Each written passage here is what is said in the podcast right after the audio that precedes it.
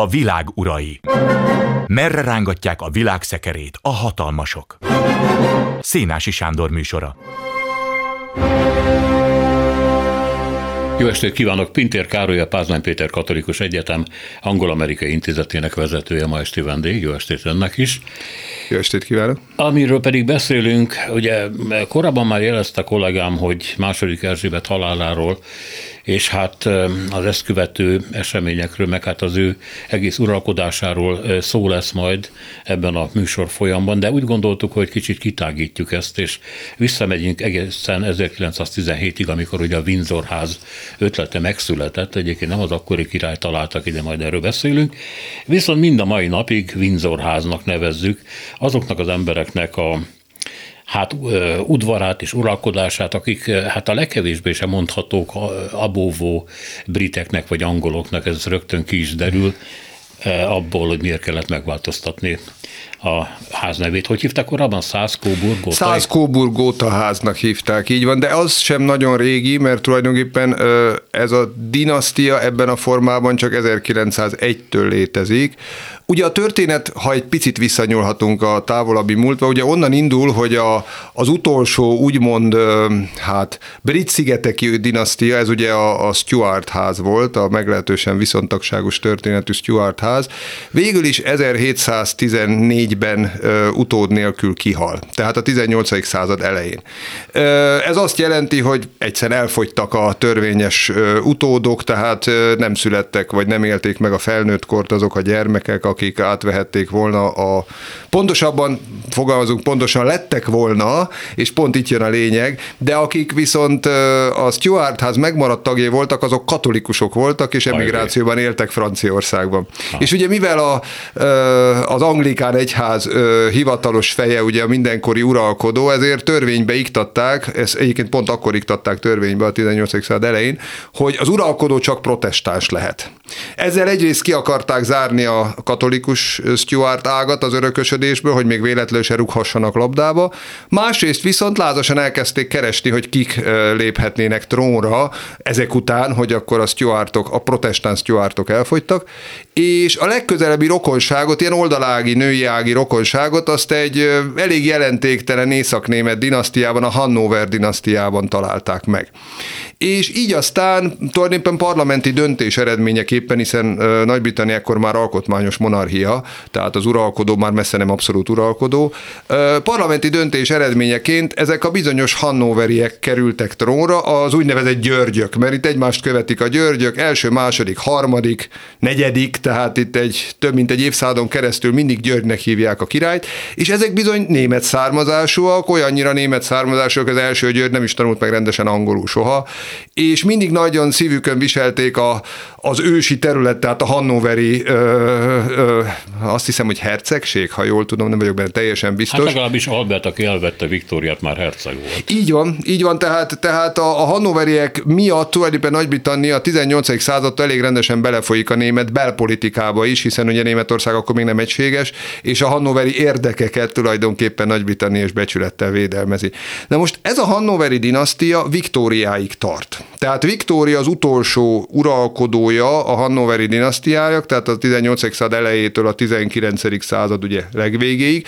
Tulajdonképpen Viktóriával sem hal ki, csak ugye ez a kicsit ódivatú felfogás szerint nő nem viheti tovább a dinasztiát. Ugye ugyanígy volt Mária Teréziánál is, hogy Mária Terézia után nálunk is már hivatalosan nem a Habsburg, hanem a Habsburg lotaringiai ház folytatódik, mert a férje az lotaringiai Ferenc volt. Na most az angolok ezt még szigorúbban fogták fel, mivel Viktória férje ugye Szász Coburg gótai herceg volt, ezért Viktória halálával, aki ugye pontosan a 20. század legelején 1901 februárjában, jól emlékszem, hunja le a végleg a szemét. Ezért aztán Viktória gyermekei, illetve utódai már hivatalosan nem Hannover néven, hanem Száz Kóbur Gotai dinasztia néven folytatják az uralkodást, de ez voltak éppen ugyanaz a dinasztia, csak a női, női örökösödés miatt változik a név. Viszont ez a Száz Kóbur Gota azért az első világháború idején, amikor Németország az ellenség, nagyon rosszul hangzik. Hát annyira, hogy legalábbis plegykák szerint, én nem tudom persze, hogy ez így történt, annyira odafigyelt a dinasztia arra, hogy az angolok ne háborodjanak föl, hogy még a német szobalányokat is hazaküldték, illetve 5. Györgynek, aki ugye 1917. július 17-én eldöntette ezt a kérdést. Nem jelent meg többé kedvenc német tacskójában, nehogy szó érje az új Windsor Ez, de látja, ez konkrétan például nem tudtam, de el tudom képzelni, abszolút el tudom képzelni. A dolog egyébként rendkívül ironikus több szempontból is. Egyrészt, mert hát letagadhatatlan, hogy a dinasztia, mondom, nagyon erős német gyökerekkel rendelkezett, ráadásul újra és újra németekkel házasították a, a következő generációt. Tehát ugye Viktória mondjuk a, mondjuk a trónörökös, tehát Viktória legidősebb fia, az pont egy Dán hercegnőt veszel, de, a, de az ő fia már megint egy német hercegnőt veszel feleségül, tehát az az ötödik György, aki ekkor uralkodik, annak a felesége is német, a fél rokonsága német, ugye hát unokatestvére Vilmos császár, akivel éppen háborúban állnak, igaz, hogy nem nagyon kedvelték egymást, de ettől még ő, ő ugye ő Vilinek hívta a, a császár, tehát ők közeli ismerettségben, személyes ismerettségben voltak. Tehát a család, hogy mondjam, német beágyazottsága iszonyú erős. Hát még második Erzsébet férje Fülöp is, ugye?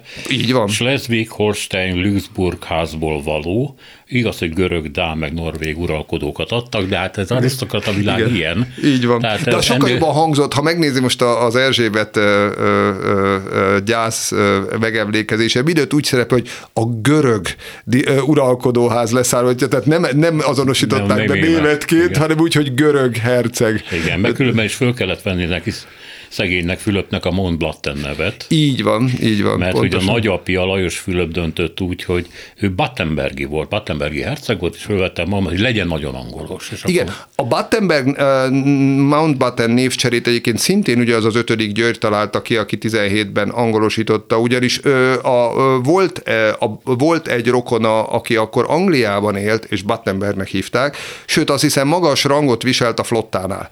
És hogy hát nem vette ki jól magát, úgyhogy hát ugye gyakorlatilag lefolytották szépen ugye a Berg, mint hegy, ugye abból lett a, abból lett a Mountbatten, tehát azt a nevet megangolosították, ahogy mondjuk ugye, hogy a 19-20. század Magyarországon mondjuk német eredetű neveket fordítottak le tükörfordítással magyarra. Ugyanezt történt. Hát a, nevezzük úgy, hogy a brit nemzeti érzület oltárán feláldozták ezeket a, ezeket a németes utalásokat, referenciákat, de ennek voltak azért komolyabb, ö, ö, hát megint csak jelképesnek mondható, de komolyabb gesztusa is. Például az összes olyan német hercegi arisztokrata rokont, akinek egyébként ö, ö, a angol titulusai voltak, tehát ilyen gróf, olyan herceg, ezeket mind megfosztották az angol. Ez kb. 15 ember, ugye? Így van. Máig így vereskednek, vagy legalábbis morognak nagyon a dolog miatt. Igen, le, azt nem tudom, hogy ebben vagyon, tehát hogy csak titulusokat vesztettek, vagy vagyont is vesztettek vele, el tudom képzelni, hogy ez, ez a tulajdonaikat is érintette, tehát feltétlenül nem a titulusvesztés ér, érzé, érintette őket érzékenyen, hanem talán inkább az ezekkel járó birtokok vagy jövedelmek, amiket Angliából vagy Nagy-Britanniából élveztek. És bejött ez a számítás a ötödik Györgynek? Tehát, hogy Szerintem sokan nemzeti dinasztiának kezdték el tekinteni őket az angolok? Szerintem igen. Tehát én azt hiszem, hogy ugye, ugye Viktóriáról köztudott volt, hogy nagyon erősen kötődött a német, a család német ágához. Noha ő maga már egyébként Nagy-Britanniában született. Na de tehát, hát a mama, mama német volt. A mama német volt, de ő Nagy-Britanniában, az más kérdés, hogy anyanyelvi szinten beszélt németül, és ugye miután a férje is német volt, az összes gyereknek azt hiszem kötelezővé tették, hogy tanuljon meg németül, tehát Viktória összes gyermeke tökéletesen beszélt németül. Állítólag még ilyen kis német színdarabokat is előadtak ott, ugye kilenc gyerek volt, tehát kitelt belőlük egy színtársulat. Úgyhogy ott, tehát, hogy a német kultúra a 19. századi brit uralkodóházban erős volt, de tegyük hozzá Németország ekkor még nem ellenség. Ugye a hagyományos brit ellenlábas mindig Franciaország volt, Németország, ha megnézzük történelmileg, 18-19. században szinte mindig szövetség, vagy valamelyik német te ugye Poroszországgal például általában ugye Napóleon ellen is szövetkeznek a poroszokkal, stb. Tehát Németország a 19. század utolsó évtizedig, vagy utolsó két évtizedig Nagy-Britannia szemében inkább baráti ország, mint ellenséges ország. Ez nagyon-nagyon gyorsan fordul meg a 20. század elején, és nem kis szerepe van ebben pont annak a Vilmos császárnak, aki ugye egyébként Viktória királynő unokája, mert az édesanyja volt Viktória legidősebb lánya, és egyébként a nagymama kedvenc unokája volt. Amikor Viktória meghal 901-ben, két ember van a halálos ágyánál, az örökös, a legidősebb fiú, a későbbi hetedik Edvard, és Vilmos. Tehát, hogy ennyire közeli a kapcsolat, és ebből, ugye ezt 901-et írunk, másfél évtized múlva pedig egy világháború lesz. Tehát ilyen értelemben azt kell mondanom, hogy akik mondjuk közelebbről követték a, a korabeli brit dinasztia, mondjuk úgy, hogy politikai vagy, vagy egyéb szimpátiáit, azok számára azért ez egy elég nagy sok lehetett, hogy hogy a mi régi barátaink, a németek, azok, azok hirtelen a legnagyobb ellenségeink lettek. E, viszont talán innen indul el a dinasztiának az a egyébként mindmáig folytatott, hát hol fölerősödő, hol elhalkuló politikája, hogy minél közelebb kerülni az emberekhez, minél inkább rávenni a közvéleményt arra, hogy hogy, hogy ismerje el a dinasztiát, mint nagyon fontos nemzeti érdeket, ugye ennek a továbbélését. Ugye ez majd később második Erzsébetnél fog kicsúsosodni, akkor kitalálják a utcai sétákat, például külföldön, hogy bárki oda mehessen hozzájuk, ami nem volt igaz persze, de hát meg hogy, meg hogy találkoznak az alatvalókkal, és akkor valamilyen párbeszéd, szervusz nép, szervusz király, stb. stb. Igen, igen, igen, ez a, ez a rejtőjén idézet nekem is eszembe jutott. igen. Szóval itt elindul valami és lehetséges, hogy ötödik György nem csak azt érezte meg, hogy hát német dinasztiaként nem lesz nagyon népszerű, hanem hogy magának a monarchiának a pozícióját is újra kéne gondolni egy kicsit. Ez aztán végighúzódik az egész 20. meg 21. századig, és gyakorlatilag amiről mi beszélünk, persze ebben sok történetmesélés is van, az az, hogy mihez kezd ez a korszak a, a királyság intézményével. Igaz, de azt kell mondanom, hogy ez a kérdés nem ekkor vetődik fel először. Ez már a 19. században egy kérdés. Tehát egy nagyon érdekes példát tudnék erre mondani Viktória idejéből. Ugye Viktória fiatalon egy, egy népszerűnek mondható uralkodó, ugye feleségül megy, vagy hát nem feleségül megy, bocsánat, ő veszi el férjül, mert ugye a királynő az férjül vette Albertet, és megszületik, a, megszületik ugye ez a rengeteg gyerek, könyvet ír arról, hogy milyen kellemesen telnek a, a, a nyaraik fönt a, a Skót felföldön. Ők vették azt a, azt a, a, Balmoral. a, a Balmoral kastélyt, igen, ahol, ahol Erzsébet is nagyon szeretett lenni, és szerintem nem véletlenül, szerintem ő szándékosan ment oda meghalni, mint a, mint a kedvenc ö, ö, nyaraló helyére. Szóval a lényeg az, hogy ők nagyon népszerűen indulnak, aztán ugye Albert váratlanul meghal egy, azt hiszem, hogy tífuszként diagnosztizált betegségben, bár későbbiekben nem voltak benne biztosak, hogy tífusz volt, de legalábbis akkor azt mondták, hogy tífusz, és utána Viktória majdnem egy évtizedre eltűnik a nyilvánosság előtt. Tehát a 60-as éveket, a 860-as éveket végig gyászolja. Egyébként haláláig csak feketében hajlandó megjelenni a nyilvánosság előtt, de egyszerűen nem, nem vesz részt a közéletben, nem megy el a parlamentülésre. Tehát azt lehet mondani, hogy királynőként nem látja el az uralkodói feladatait, és ettől olyan szinten megzuhan a népszerűsége, hogy amikor kitör a, a, a 870-es francia forradalom, és ugye kikiáltják a franciáknál a harmadik köztársaságot, nagyon komoly republikánus mozgalom indul el Nagy-Britanniában, hogy akkor minek nekünk egy ilyen drága, drága és tulajdonképpen a dolgaival egyáltalán nem foglalkozó királynő, és nagyon komoly politikai nyomás nehezedik Viktóriára, hogy köszönjük szépen felség, most már tényleg elgyászolta Albertet, meg megépített, ugye tele, telerakta Londont Albert emlékművekkel, meg mindennel, hogy most akkor legyen kedves már azért valamennyire visszatérni az emberek közé, és Viktória tulajdonképpen kénytelen, tehát ön ezt nem magától teszi, hanem kifejezetten a, a, az aktuális miniszterelnökök erős sürgetésére. Tehát, hogy tehát már a 19. században is van a monarchiának egy ilyen színuszgörbeszerű népszerűség mozgása, hogy hol jobban, hol rosszabbul, és amikor Viktória meghal, akkor én azt mondanám, hogy az ő fia, az első, az első örököse, ugye Edward, akit egy, akivel egyébként Viktor nincs jóban, és nem, nem különösebben tartott alkalmasnak az uralkodásra, ehhez képest egy kifejezetten népszerű és talpra esett uralkodónak bizonyult, de Edward volt az, aki felmérte ezt a problémát, amiről maga is beszélt, hogy az uralkodó ház hosszú távon addig maradhat meg, amíg a nép ö, fontosnak tartja, vagy, vagy el tudja fogadtatni magát a, a mindenkori néppel, mint egy hasznos és fontos intézmény. És Edward például nagyon sokat tett ezért. Ő kezdte el újra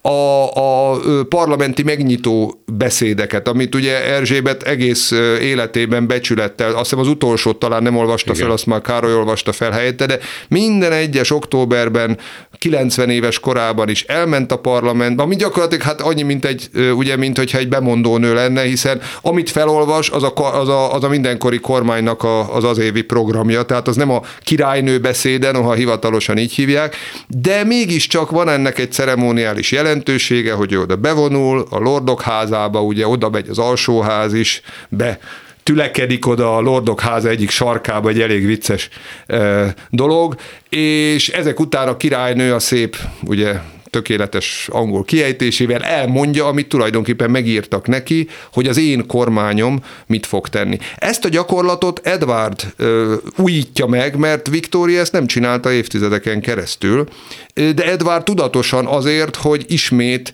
jelen legyen a közéletben, jelen legyen a politikában, ő, ő volt az első ur, uralkodó, aki elment ilyen nyilvános esemény, megnyitókra például, tehát felavatni a, nem tudom én, a, a Tower Bridge-et, ezt még, ezt még trónörökösként. Uh-huh. Tehát kifejezetten látha, láthatóan, tudatosan törekedett arra, hogy látható legyen az emberek számára. E, második Erzsébet meg, a jól emlékszem, de ott már a saját szövegeit mondta, vagy legalábbis fölteszem, kitalálta a karácsony üdvözlőbeszédet, Igen, az se volt korábban, így van, ugye? Így van, az viszont tényleg az ő újítása. Így Igen, igaz. tehát ez a megint közelebb az emberekhez jelezni a népnek, hogy itt vagyunk, értetek vagyunk, stb. stb. Ez az Edward, ez meddig uralkodott? Ez Nagyon rövid ideig. Hát ugye ugyanabban a helyzetben volt ilyen szempontból is érdekes őróla megemlékezni, mint Károly, hiszen egy nagyon hosszú ideig uralkodó királynő legidősebb gyerekeként bizony már igen benne volt a korban, amikor trónra lépett, most hirtelen nem mondta, hát valamikor 840-es évek elején született, és ugye 901-ben lépett róra, tehát a 60 év körül lehetett, 10-ben eh, hal meg. Aha. Tehát e, tulajdonképpen egy szűk évtized. A, a 20. század első évtizedét a, a, a britek Edwardiánus kornak hívják, mert hogy e, számukra ez egy fontos különbségtétel, hogy na a hosszú-hosszú viktoriánus kor véget ért, és van egy ilyen kicsit szabadabb, kicsit, ugye viktoriánus korszakra azért nagyon jellemző volt a... építészeti stílust is tulajdonítanak így van, neki, ugye? Így van, de, de én inkább kulturális korszakként jellemezném, ugye a viktoriánus korszak ugye erkölcsileg nagyon puritán, nagyon szigorú, szinte nyugodtan nevezhetjük képmutatónak is. Edward más figura, tehát ő, ő szerette a szeretett, hát fiatalkorában nőügyei is voltak, de szerette Bocsánat, a... nem ő volt az, aki Krúdi sokszor megírt, hogy itt járt Budapesten, és mindenféle nőügyei voltak, és mindig járt vele a titkára, aki fölírta a nő nevét, korát, elérhetőségét, hogy amennyiben mégis valami ott Hát most, megfog, most megfogott, most megfogott, megmondom őszintén. Nem ismerem ezt a krúdírást, bevallom töredelmesen. Nem, nem, tud, a nem tudom. Herceg kalandjai Budapesten. Lehetséges, lehetséges. Ő egy Playboy hírében álló fiú. Hát, hát ugye, nagyon, ugye, igen, ugye rengeteg ideig volt Velszi herceg, hát gondoljon igen. bele, tehát ugye 60 évesen lép óra nagyságrendileg. Állítólag nagy világfi volt, tehát szerette a bálokat, szerette a szórakozást, nem vetette meg a nőket, nagy divat diktátor volt, tehát egy csomó ilyen modern divat dolog a, biztos, a nyakkendőtől, akkor, biztos, akkor ő lesz biztos, az. Ő igen, lesz igen, az. Igen. Szóval ez az Edward, akit pontosan ezért tartotta Viktória tökéletesen alkalmatlannak az uralkodásra, és többször is elmondta, hogy hát ő, őt nagyon lesújtja, hogy pont ő ez a legidősebb fia, mert szerinte nem neki kéne királynak lennie. Ehhez képest Edward nagyon jó király lett, ugyanis ő, ő tud, tehát komolyan vette a feladatait, és jól megérezte azt, hogy mi a az elvárás, vagy mi az igény vele szemben. Úgyhogy azt lehet mondani, hogy ez alatt a viszonylag rövid időszak alatt ő számos pozitív változást intott el, amit egyébként a fia, 5. György többnyire hűségesen követett is. Tehát azt lehet mondani, hogy a 20. század első felében a dinasztia tudatosítja, és ebbe az irányba indul el a nép uralkodója a szerepet igyekszik eljátszani. Még Viktória az annyit, hogy lám, hogy hogy csal az emlékezet, de az is lehet, hogy a hivatalos emlékezetről van itt szó, mert ugye ő a birodalom édesanyja. Igen. Miközben hát a birodalom ugye 901 után még terjeszkedett, tehát nem ott volt éppen a topon, de minden esetre ez így rögzült. A, a régi szép idők, a viktoriánus kor, stb. stb. A 20-as évekről kérdezném, ez meg, megmondom miért, mert az ember, ha megnézi a 19. század végi lakószobákat, mondjuk arisztokratikus, de polgárit is, levegőtlen, füllet, túl zsúfolt, túl tömött, olyanok, mint egy ilyen madárkalitka, amit be, belezsúfolják a kanárikat, aztán minden van nekik, milyen mag, olyan magam, olyan. Lakhatatlanok voltak szerintem. De jött a 20-as évek, a nagyon egyszerű, de jó vonalú bútorok, a levegősség, a fény beengedése. Nem raktak bele 500 szobrot, viszont voltak, voltak pálmák, akkor jöttek be ezek a pálmák. Szóval jött egy új világ, amiben például a sportos nők voltak a divat. Ugye a nő a teniszütővel a kezében, emlékezzünk a, ezekre a régi lap címfotókra, és az egész a felszabadultság, a levegőség, a napfény, és hát a fogyás ideje. Ugye nem illet kövérnek lenni.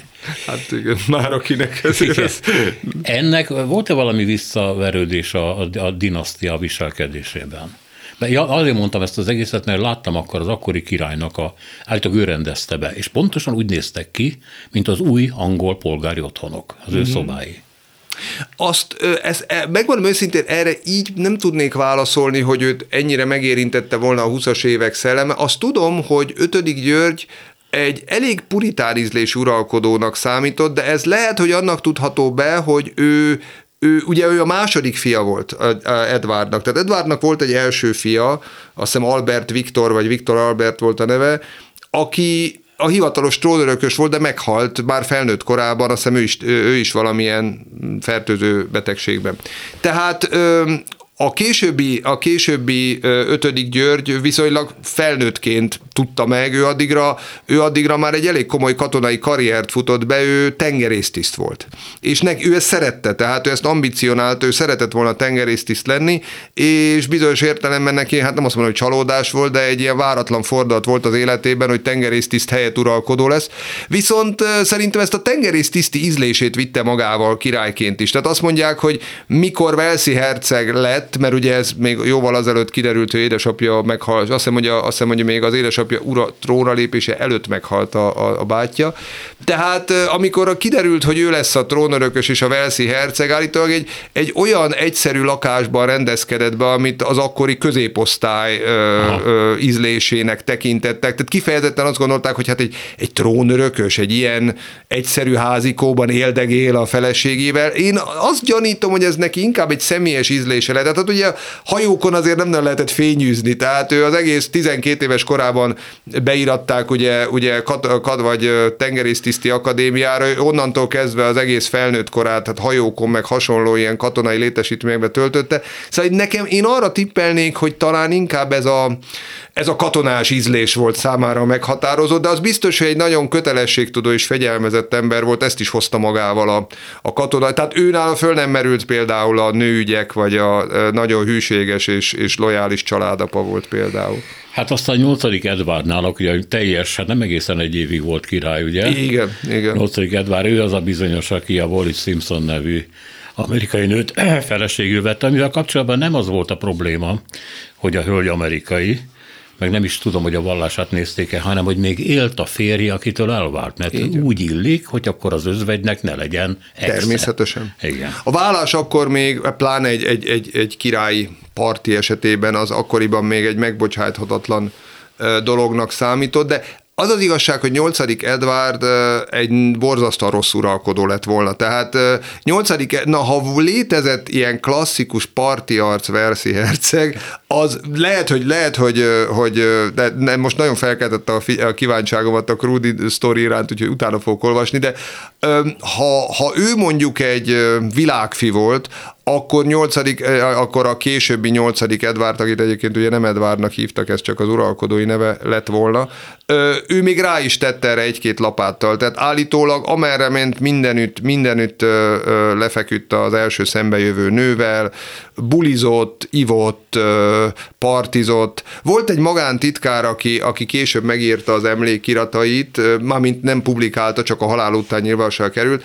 Állítólag ő, ő oda, tehát ő ugye kísérgette a Velszi herceget szerte a világba, sokat utazott, nagyon szeretett járni, kelni a világban, Magyarországon is járt ugye még Velszi herceg korában, a két világháború között, és állítólag leírta, hogy ha ez az ember egyszer tróra kerül, az katasztrófa lesz. Tehát, hogy kifejezette azt mondta, hogy nem érdekelték a közügyek, abszolút nem. Tehát ő benne pont az a felelősségtudat hiányzott, ami az apjában, meg a nagyapjában is megvolt. Tehát ilyen szempontból a Wallis Simpson epizód lehet, hogy a brit uralkodó szempontjában egy rettentő szerencsés mozzanat, de én megmondom őszintén, olvastam olyan plegykát is, nem jártam utána, hogy ennek mennyi a megalapozottsága, lehet, hogy ez valami utólagos, ilyen, ilyen zaftos botránykeltő könyv, de a közelmúltban megjelent állítólag egy könyv, ami a valami ott a, a valami környezetében élő, nem tudom én kicsodának a visszaemlékezése alapozva azt állítja, hogy állítólag mind a ketten melegek lettek volna.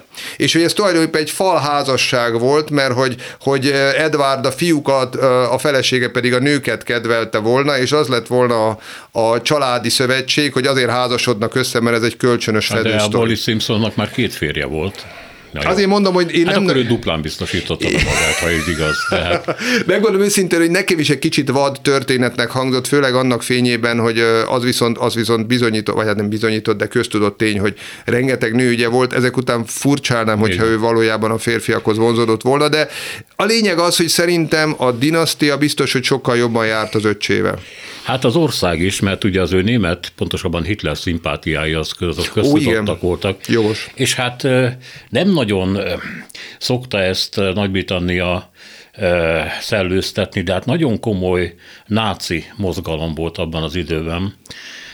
Nagy-Britanniában, és hát hajszálon múlt, legalábbis Churchill erről beszél, de lehet, hogy ezt eltúlozta, hogy nem egy ilyen Hitler szimpátiás kormány alakult meg Nagy-Britanniában, egy olyan királlyal, 8. Eduarddal, aki hát később, miután már lemondott, el is meg is látogatta Hitlert, és Így őszinte van. szimpátiájáról biztosította. Így van. Úgyhogy Európa nagyon megúszta azzal, hogy ő eltávozott.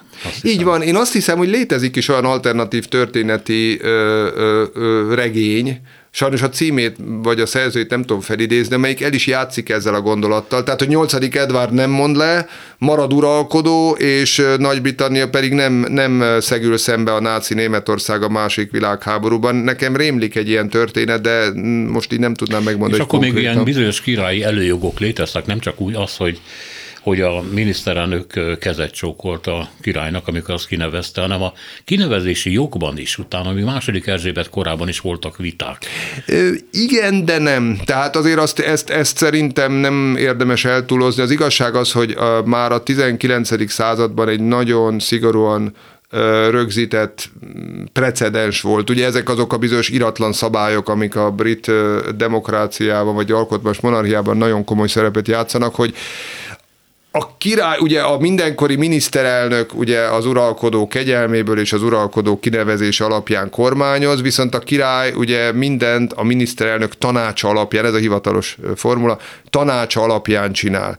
És olyanról én igazából Viktória óta semmiképpen nem tudok, hogy a királynő mondjuk olyas valakit nevezett volna ki, miniszterelnökké, akit mondjuk nem támogatott a parlament mindenkori többsége. Tehát az uralkodó döntési jogköre nagyjából arra korlátozódott, hogy ha mondjuk volt egy a, a, a többségi párton belül volt esetleg egy politikai válság. Ilyen volt Erzsébet idején is például 57-ben, meg 63-ban, hogy a konzervatívok nem buktak el egy választást, csak éppenséggel megrendült az akkori, ugye miniszterelnök, Igen. aki egyben ugye a konzervatív párt mindenkori vezetője is, megrendült benne a, a, a többség bizalma, lemondatták, és nem volt egyértelmű, hogy akkor ki az utó. Tehát, hogy a párton belüli, hogy mondjam, önjelöltek közül a kit is kéne kinevezni. Erre akkor még nem volt egy olyan bejáratott módszer, mint ahogy például most Liz Trust, ugye gyakorlatilag egy párton belüli szavazással választották meg Boris Johnson utódaként, de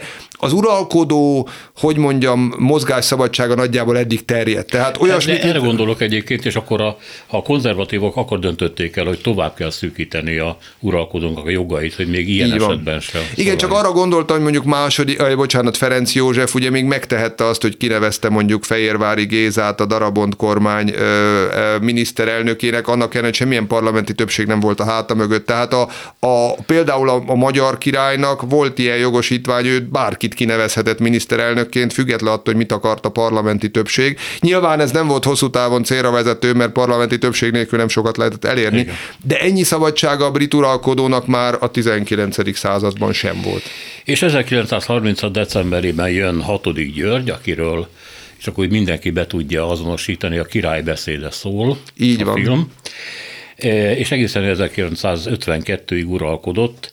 E, az ő idejére esik ugye a második világháború. Igen. És az, az a Megint csak egy lehetőség a dinasztia előtt, hogy bizonyítsa a nemzeti hazafias elkötelezettségét, fölmerült, és ha jól tudom, a miniszterelnök is tanácsolt, hogy költözzenek el Londonból. Így van.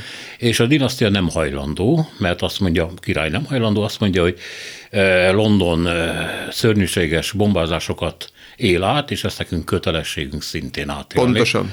pontosan. És hát gondolom ez, ez legalább akkora fordulat az ő megítélésükben, mint a 917-es átnevezési így van. ceremónia. Így van.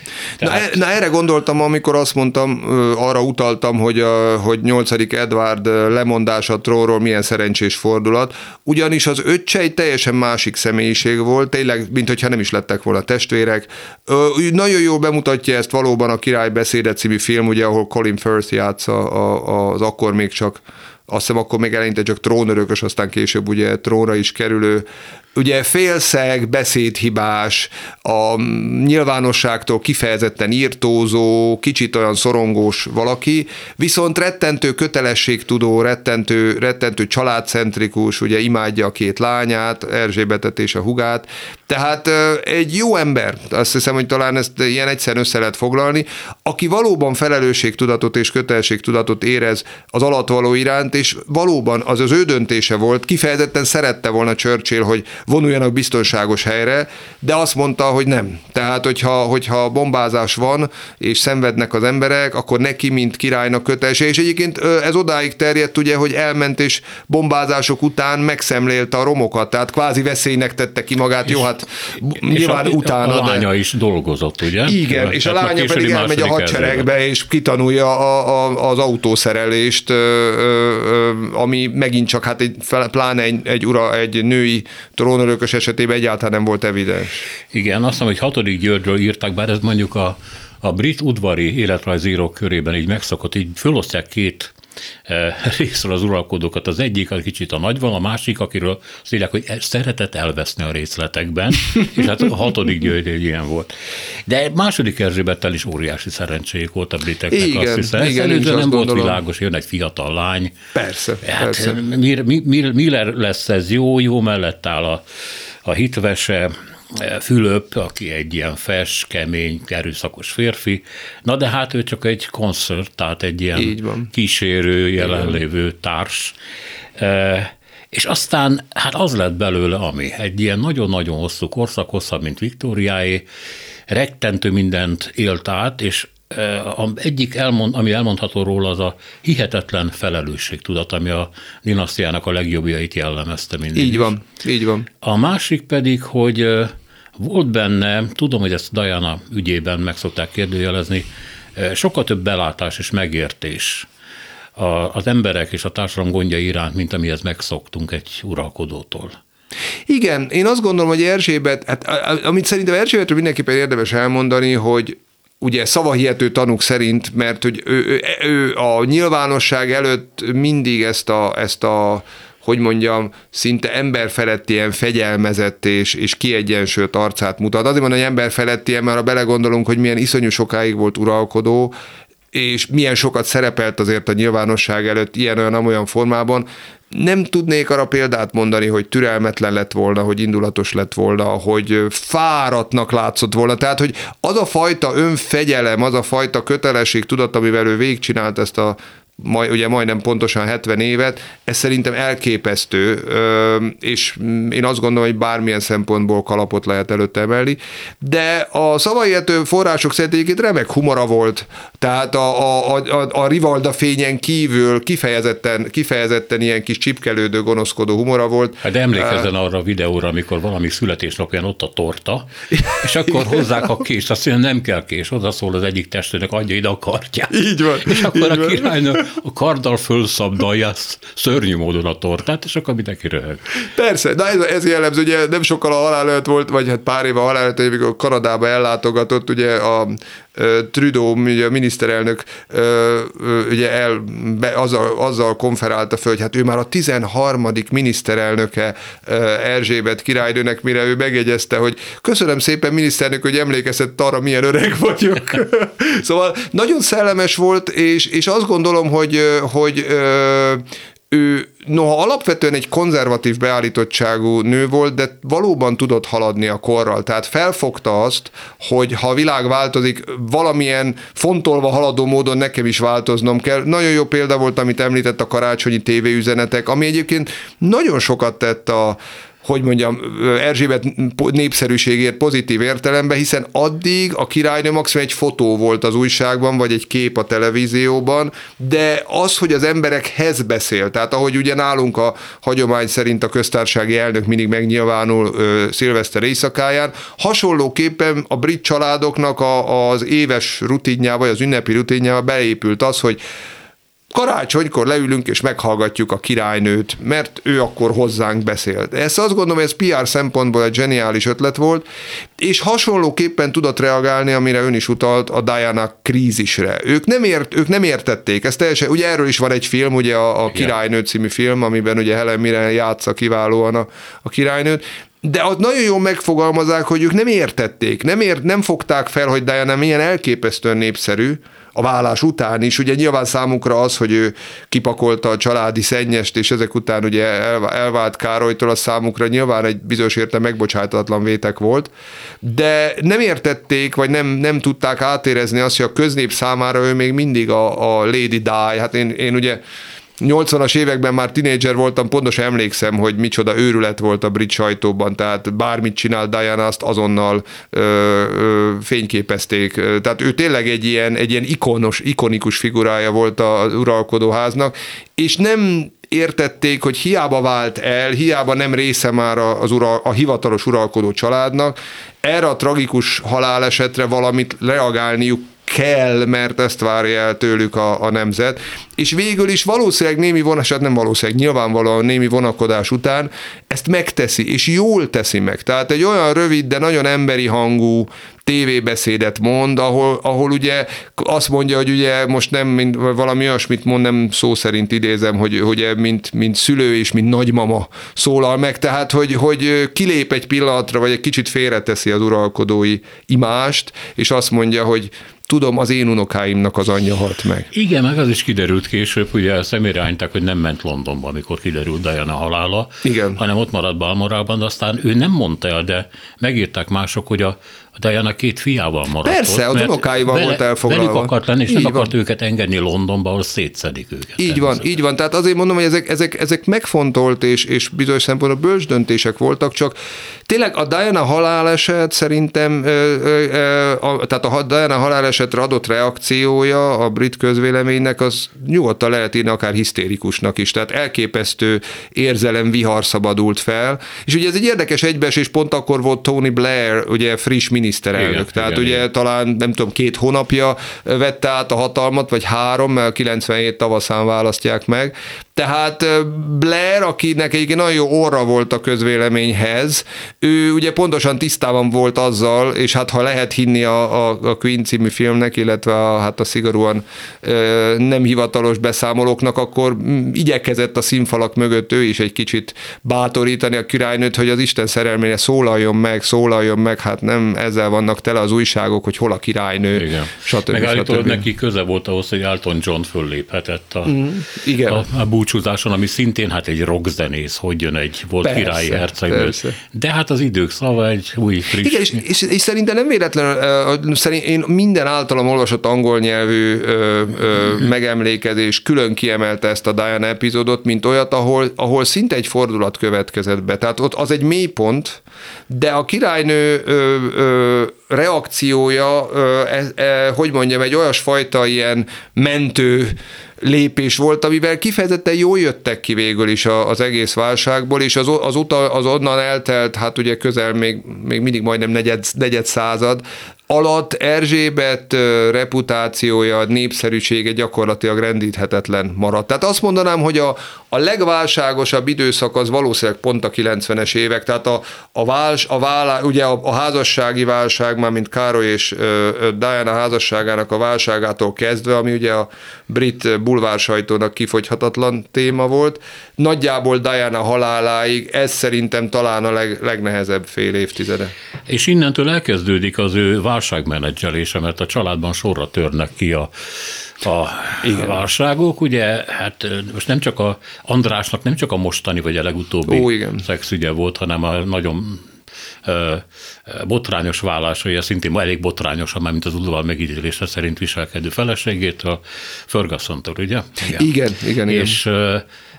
Hát a, a, a lányának a, a, a ügyei, bár ő ma egy ilyen ikonikus figura, ő az igahúzó a családban, akire a harmadikáról leginkább támaszkodhat.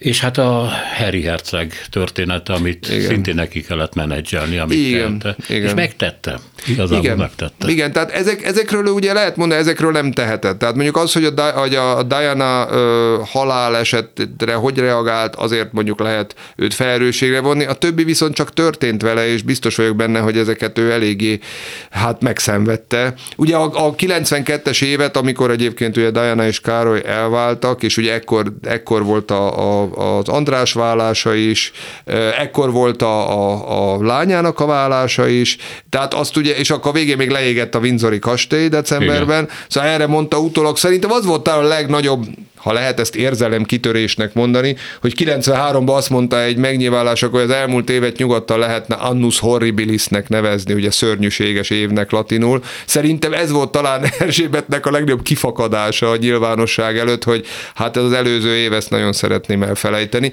De az összes többire azt gondolom, hogy a szokott sztoikus, fegyelmezett és mindenképpen a nyilvánosság számára láthatatlan módon reagált. Tehát ahogy, a, ahogy Harry ugye, Harry ugye, meg, meg Meghan Markle ugye elmennek az Oprah Winfrey showba és elmondanak mindenféléket arról, hogy a királyi, hát nem is nem a családot, de hogy az udvart vádolták ugye ilyen rasszizmus, hogy állítólag valami meg nem nevezett udvaronc megkérdezte volna a Megentől, hogy kiderült mi... hogy Camilla volt, de szerintem tréfált, csak mindegy. Igen, lehet, hogy nem értette a brit brit humort, ezt el tudom képzelni.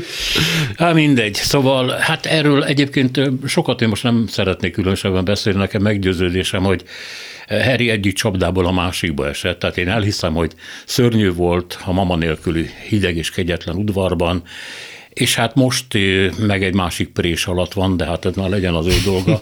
Minden esetre ugye meg a Merkel, meg a férje, hát abból élnek, amit föl akartak számolni az udvarból tudni, mert van. saját mondani valójuk, saját dolguk, saját munkájuk nincs. Ez így van. És hát ebből ugye azért az következik, hogy hát itt az ember úgy néha azt gondolja, hogy na jó, Mindegy, de ebbe tényleg nem akarok belemenni. Viszont van itt egy kérdés, ami Erzsébettel kapcsolatban azért fölteendő, hogy ha emlékszik, Szerbantanak van egy regény, azt hiszem, hogy a hetedik Edvárd a címe. Uh-huh. Ez arról szól, hogy van egy fiatal király, aki hát egy nagyon szegény országban király, baromira unja, lemond, csinál egy pucsot maga ellen, és egy nővel elszökik Velencébe, mert hát hova az ember menjen az ember Velencébe, és hát nem akarok itt spoilerezni, de az a vége, hogy hogy a korszak egyik legnagyobb gazembere és csábítója győző még arról, hogy vissza kell menni a trónra. Ugyanis a király nem azért király, mert szeret vagy nem szeret király lenni, a királyság azért van, hogy legyen az emberek feje fölött. Ez nincs kifejtve, vagy mint minta, vagy mint egyfajta szakralitás, vagy bármi, de kétség kívül valami karizmát azért föl kell mutatni, és az embereknek, mondja Szerbantal, erre szükségük van. Na most Erzsébet a kötelesség tudatánál, az empátiájánál fogva sok mindent teljesített ebből, de karizmát nem mutatott. Tehát nem tudom, hogy, vagy nem tudom, hogy kell ez egyáltalán már, és Szerbanta régen írta ezt a könyvet, hogy a 20. századi brit társadalom várt-e mintát az uralkodótól, bármit. Én azt hiszem, hogy Erzsébet pont a, a létezésével és a stabilitásával teremtett egy olyan ikonikus figurát saját magából. Tehát az, hogy ő, ő, ő egy elképesztően következetes életpályát jár végig, szerintem legalábbis, Ugye hát már én is, aki hát 1970-ben születtem, de hát már én is ugye a fél életemet, sőt hát most az életem most már nagyobbik felét, azzal a tudatban éltem le, hogy van egy uralkodója Nagy-Britanniának, és úgy hívják, hogy másik Erzsé. Egy picit mindig öregebb lesz, egy picit mindig jobban megőszül a haja, jobban meggörbül, de azon kívül szinte semmi nem változik. Tehát én azt hiszem, hogy ő egy olyasfajta stabilitást, olyasfajta kontinuitást képezett, ami önmagában én számomra megkockáztatom, lehet, hogy ez már önmagában egy karizmatikus dolog, még akkor is, hogyha nem volt egy lenyűgöző mit public speaker, ugye, ahogy mondani szokták, tehát szónok, vagy bármi ilyesmi. Én azt gondolom, hogy ő nagyon jól megértette, az uralkodó az egy szimbólum, az egy jelkép, az egy, az egy ikon, tulajdonképpen ezt a szót használnám, de ez csak addig igaz, amíg ő ezt ennek a szerepnek megfelel. És ennek a szerepnek nem kell, tehát ez a szerep nem vár túlságosan sokat, a hibázást viszont kevéssé tűri. Tehát az például belefér, nekem egyébként az Erzsébettel kapcsolatban az abszolút kedvenc élményem, az a 2012-es olimpiai sketch, biztos ismeri, amikor Daniel Craig, mint James Bond ugye bemegy a királynőhöz, és mindenki arra számít, hogy egy színésznő vagy valaki fogja eljátszani a királynő szerepét, és ezek után ott van Erzsébet, és kisétál ugye James Bond kíséretében egy, egy, egy, egy helikopterre, és felszáll rá. Ez szerintem egy elképesztően nagy poén, hogy egy, egy olyan alapvetően konzervatív figura, mint, mint Erzsébet belement ebbe a poénba, ebbe a viccbe, és eljátszotta ezt a szerepet. Állítólag, állítólag volt ezzel kapcsolatban egy olyan, hogy mondjam, mellékszál is, hogy ugye Danny Boyle volt ennek az olimpiai megnyitónak a rendezője, és Danny Boyle megrendezte korábban ugye a, a Ghetto Milliómos című filmet, amit állítólag Erzsébet imádott, és kifejezetten Danny Boyle kedvéért volt hajlandó ebbe a poénba belemenni, de szerintem ez nagyon jól mutatta, hogy, hogy érezte a határait, hogy ez belefér. Tehát az, hogy ő... Hogy ő de nem mond semmit. De, de nem már, mond, nem, már nem férne bele. Igen, tehát annyit mond, hogy mit good morning, Mr. Bond, azt hát, hiszem, igen. és onnantól kezdve gyakorlatilag megint csak a királynő szerepét játsza, ugye, elég jól, és aztán persze, hogy felszáll helikopter, és aztán valaki más ugrik ki nyilvánvalóan, de hogy ez az a határa, meddig ő elmehet, de a hibázás az nem fér bele. Tehát az a, ugye a hibázás alatt azt értem, hogy olyasmit csinálni, ami szembe megy az emberek nek a, az emberek többségének legalábbis a királynő személy elvárásaival kilépni a szerepből, aláásni a szerepet, az nem, az, nem, az nem megy. És ebből a szempontból egy érdekes kérdés, hogy Károlynak mi lesz a szerep felfogása, mert ugye azért ez még előttünk van, és Károlynak a népszerűsége mindig alulmúlta az anyjáét, a 90-es években végképp, hát a 90-es év ugye Diana volt a népszerű, Károly volt a népszerűtlen értelemszerűen, tehát ebben a házassági vitában viszonylag kevesen fogták Károly pártját, bár voltak mindig Károly pártiak is. Azóta ugye szép, stabilan építgette az imázsát, ugye fokozatosan elfogadtatta a közvéleménnyel Kamillát, feleségül vett, ugye pont a királynő halál előtt ugye felhatalmazta őt, hogy hivatalosan királynő legyen, királyné inkább, magyar fordításban, de ezzel együtt az, hogy Károly hogy fogja játszani az uralkodói szerepet, ez, ez, még, ez még előttünk van. Hát lehetséges, hogy ő lesz a kármentő, mert Boris Johnson, amikor meghalt második Erzsébet, azt mondta, hogy Nagy-Britannia most veszítette el az utolsó adóászát. Az angolság utolsó pecsétjét. Nem tudom, hogy angolul hogy mondta, ezt már elfelejtettem, de valami ilyesmi. Ezt nem, is, ezt nem is olvastam, ezt a mondatát. De igaza van. Uh-huh. Igaza van, mert az angolság díszletei még állnak a turistáknak, akik nem látnak bele, hogy belül milyen üresek már, de második Erzsébet uralkodása, léte, udvara valóságos volt. Így van. Hogy most milyen lesz, azt azzal kapcsolatban harmadik Károlynak is vannak kételjei, mert azért mondom kármentőnek, mert elkezdte szűkíteni a királyi családot. Minél kevesebb herceg legyen, minél kevesebb adófizetői pénzt kelljen a családra költeni, minél kisebb legyen a támadási felület. Egyébként a Dán királynő ugyanezt csinálja. Tehát úgy látszik, hogy a monarchiák menekülése, előre menekülése az megkezdődött. De ez nem egy új téma, ezt hadd szúrjam közbe. Igen. Tehát ez a, ez a kritika, hogy az uralkodás túl sokba kerül, ez már legalább a 80-as évek óta ilyen, megint csak ilyen színuszgörbe szerint időnként felmerülő, gondolom ma a gazdasági helyzete is összefügg. Tehát amikor jól megy az országnak, akkor nem annyira, de például a 80-as években, amikor azért nem ment jól az országnak, akkor határozottan emlékszem, hogy ez már téma volt, hogy miért költünk mi annyit, főleg annak a kontextusában, ugye, hogy az uralkodó egyébként egy nagyon gazdag ember, tehát nekik ugye sok millió fontos jövedelmet húznak különböző birtokokból és egyéb vagyonelemekből. Tehát felmerült az a kérdés, hogy miért nem tartják úgymond fel magukat, miért fizet az adó. Valaki egyszer kiszámolta, hogy évente, nem tudom én, egy Coca-Cola árába kerül minden, minden adófizetőnek a, a brit monarchia, mert hogy annyi, annyi, annyi az a bizonyos... Minő méltatlanság. Coca-Cola is nem tudom, lehet, hogy nem Coca-Cola volt, de valamilyen Jó, kis mindennapi, mindennapi uh, apróság, ami, tehát, hogy ez persze nem tudom, hogy sok vagy kevés, mert ugye, hogyha nap, ha felszorozom 365 nappal, akkor sok. Ha arra gondolunk, hogy ez, ez jelentéktelen össze, akkor nem annyira, de már Erzsébet elkezdett ezzel foglalkozni, például Erzsébet ilyen jó hogy módjára elkezdte korszerűsíteni a Buckingham Palace-t, hogy ne kerüljön annyiba az épület fenntartása. Még voltak is ilyen plegykák, hogy állítólag mint egy ilyen ilyen klasszikus házártos, házártos öreg néni rászólt a, a, az udvaroncokra, hogy tessék leoltani a villanyt a folyosókon éjszaka, meg ilyesmi. Tehát, hogy ezt a változtatást már elindította ő, és Károly, aki egyébként, ugye, akinek egyébként az egyik kedvenc témája ugye a környezetvédelem, meg a fenntartható fejlődés, meg ilyesmi, biztos, hogy Károly ebbe az irányba fog tovább menni.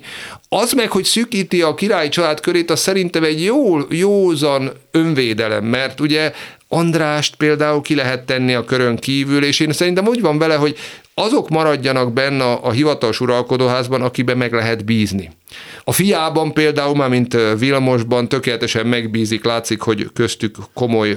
Azon a fotón, amit csináltattok, ugye Károly van Kamilla Vilmos, és a Vilmos felesége, Harryék nincsenek. Tehát Így neki van. nincs második fia, aki tartozik a belső körbe. Így van, és hát ez végső Harry döntése volt, de azt gondolom, hogy Károly úgy döntött, hogy jó, akkor ezt te választottad, fiam, biztos vagy benne, hogy ezt megbeszélte vele. Károly egyébként nagyon őszinte volt a gyerekekkel, tehát, tehát a, a, úgy, úgy, az a, megint csak ugye ezek nem hivatalos információk, de hogy Diana halála után is nagyon, nagyon őszinte és mély beszélgetéseket folytatott velük, és mindenki elmondása szerint neki alapvetően jó volt a viszonya mind a két fiával, de Harry sokkal jobban megrázta az anyja elve, hát sokkal kisebb volt. Tehát Harry sokkal jobban megrázta a, a, az anyja elvesztése, illetve hát valószínűleg eleve más temperamentum. Tehát én úgy látom, hogy Vilmos egy nagyon fegyelmezett és öntudatos figura, tehát ő benne megint csak azt látom, hogy ő, ő készül a szerepre, ides tova már, mit tudom én, 15-20 éve nagyon tudatosan, és szerintem, szerintem az apja tulajdonképpen egy ilyen átmeneti uralkodóként képzeli el magát. Persze ez az átmenet, ez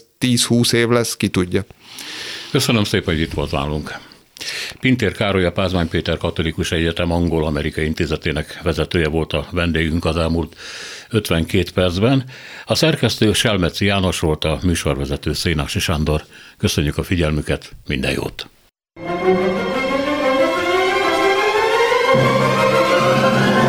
A Világ Urai című műsorunkat és Szénási Sándor műsorvezetőt hallották.